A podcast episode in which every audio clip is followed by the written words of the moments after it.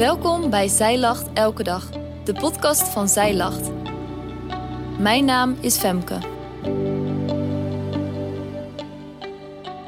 Dit is de overdenking van 16 februari, geschreven door schrijfster Danielle Geneugelijk. Het thema vergeving heeft mij de afgelopen tijd erg bezig gehouden. Ik weet dat ik door Christus bloed vergeving mag vinden bij God en Hij zijn relatie met mij wil herstellen. Maar soms vind ik het lastig te begrijpen wat het nu echt betekent dat God ons vergeeft. En als ik eenmaal vergeving heb gevraagd voor iets, is het dan genoeg? Of moet ik het blijven doen? In de overdenking van gisteren lazen we over de volmaakte offer van Jezus bloed. Zijn bloed geeft ons verlossing van zonde als wij geloven in Christus Jezus en in Hem zijn. Dus als we dat geloven en met Jezus leven, worden onze zonden dan automatisch vergeven? Het antwoord op deze vraag vinden we in 1 Johannes 1, vers 8 tot 9. Daar staat: Als wij zeggen dat wij geen zonde hebben, misleiden we onszelf en is de waarheid niet in ons.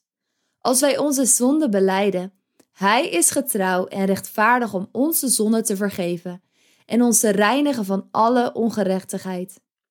Johannes spreekt hier duidelijk de mensen toe. Wanneer je denkt dat je zonder zonde bent, misleid je jezelf. Op deze aarde is geen mens zonder zonde. Het is belangrijk dat we als mensen erkennen dat we zondig zijn. Onze relatie met God is verstoord en deze moet hersteld worden.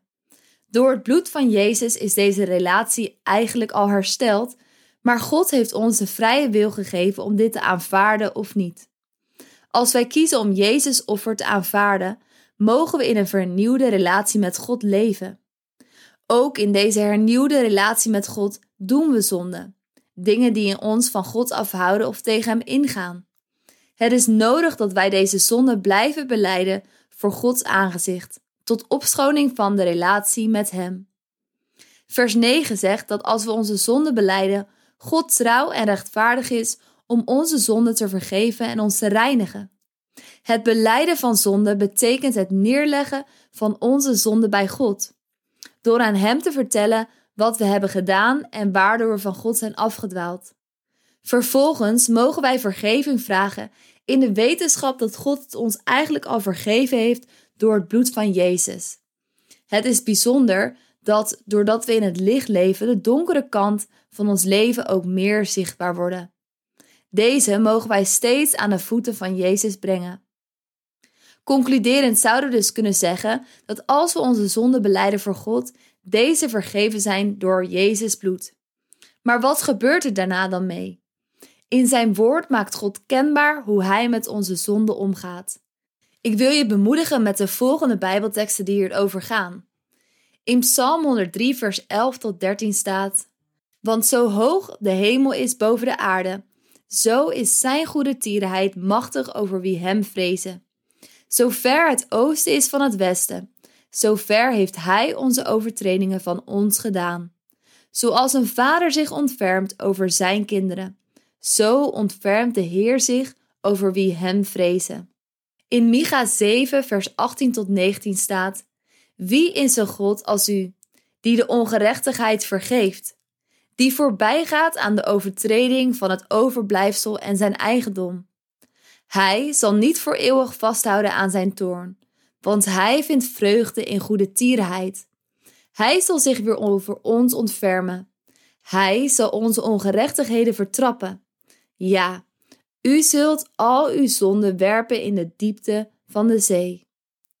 En als laatste in Hebreeën 8 vers 12 staat, want ik zal wat hun ongerechtigheden betreft genadigd zijn en aan hun zonde en hun wetteloos gedrag beslist niet meer denken. De bovenstaande Bijbelgedeelten komen uit verschillende hoofdstukken van de Bijbel.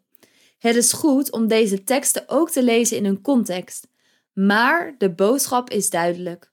God doet onze zonde na de beleidenis en vergeving door Jezus bloed, zo ver weg als het oosten is van het westen. Hij zal onze ongerechtigheden vertrappen en werpen in de diepte van de zee. Ja, hij zal aan ons zondige gedrag beslist niet meer denken. Door Jezus bloed zijn we schoongewassen. Als God naar ons kijkt, ziet Hij onze zonde niet. Dat is Zijn eindeloze genade.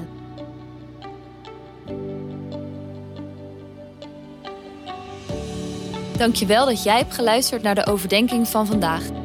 Wil je de overdenking nalezen? Check dan onze website. Je vindt er ook meer toffe dingen die jou helpen om de Bijbel vaker te openen, zoals boeken, Bijbels, cursussen en evenementen. Morgen ben ik weer bij je terug met een nieuwe overdenking. Tot dan!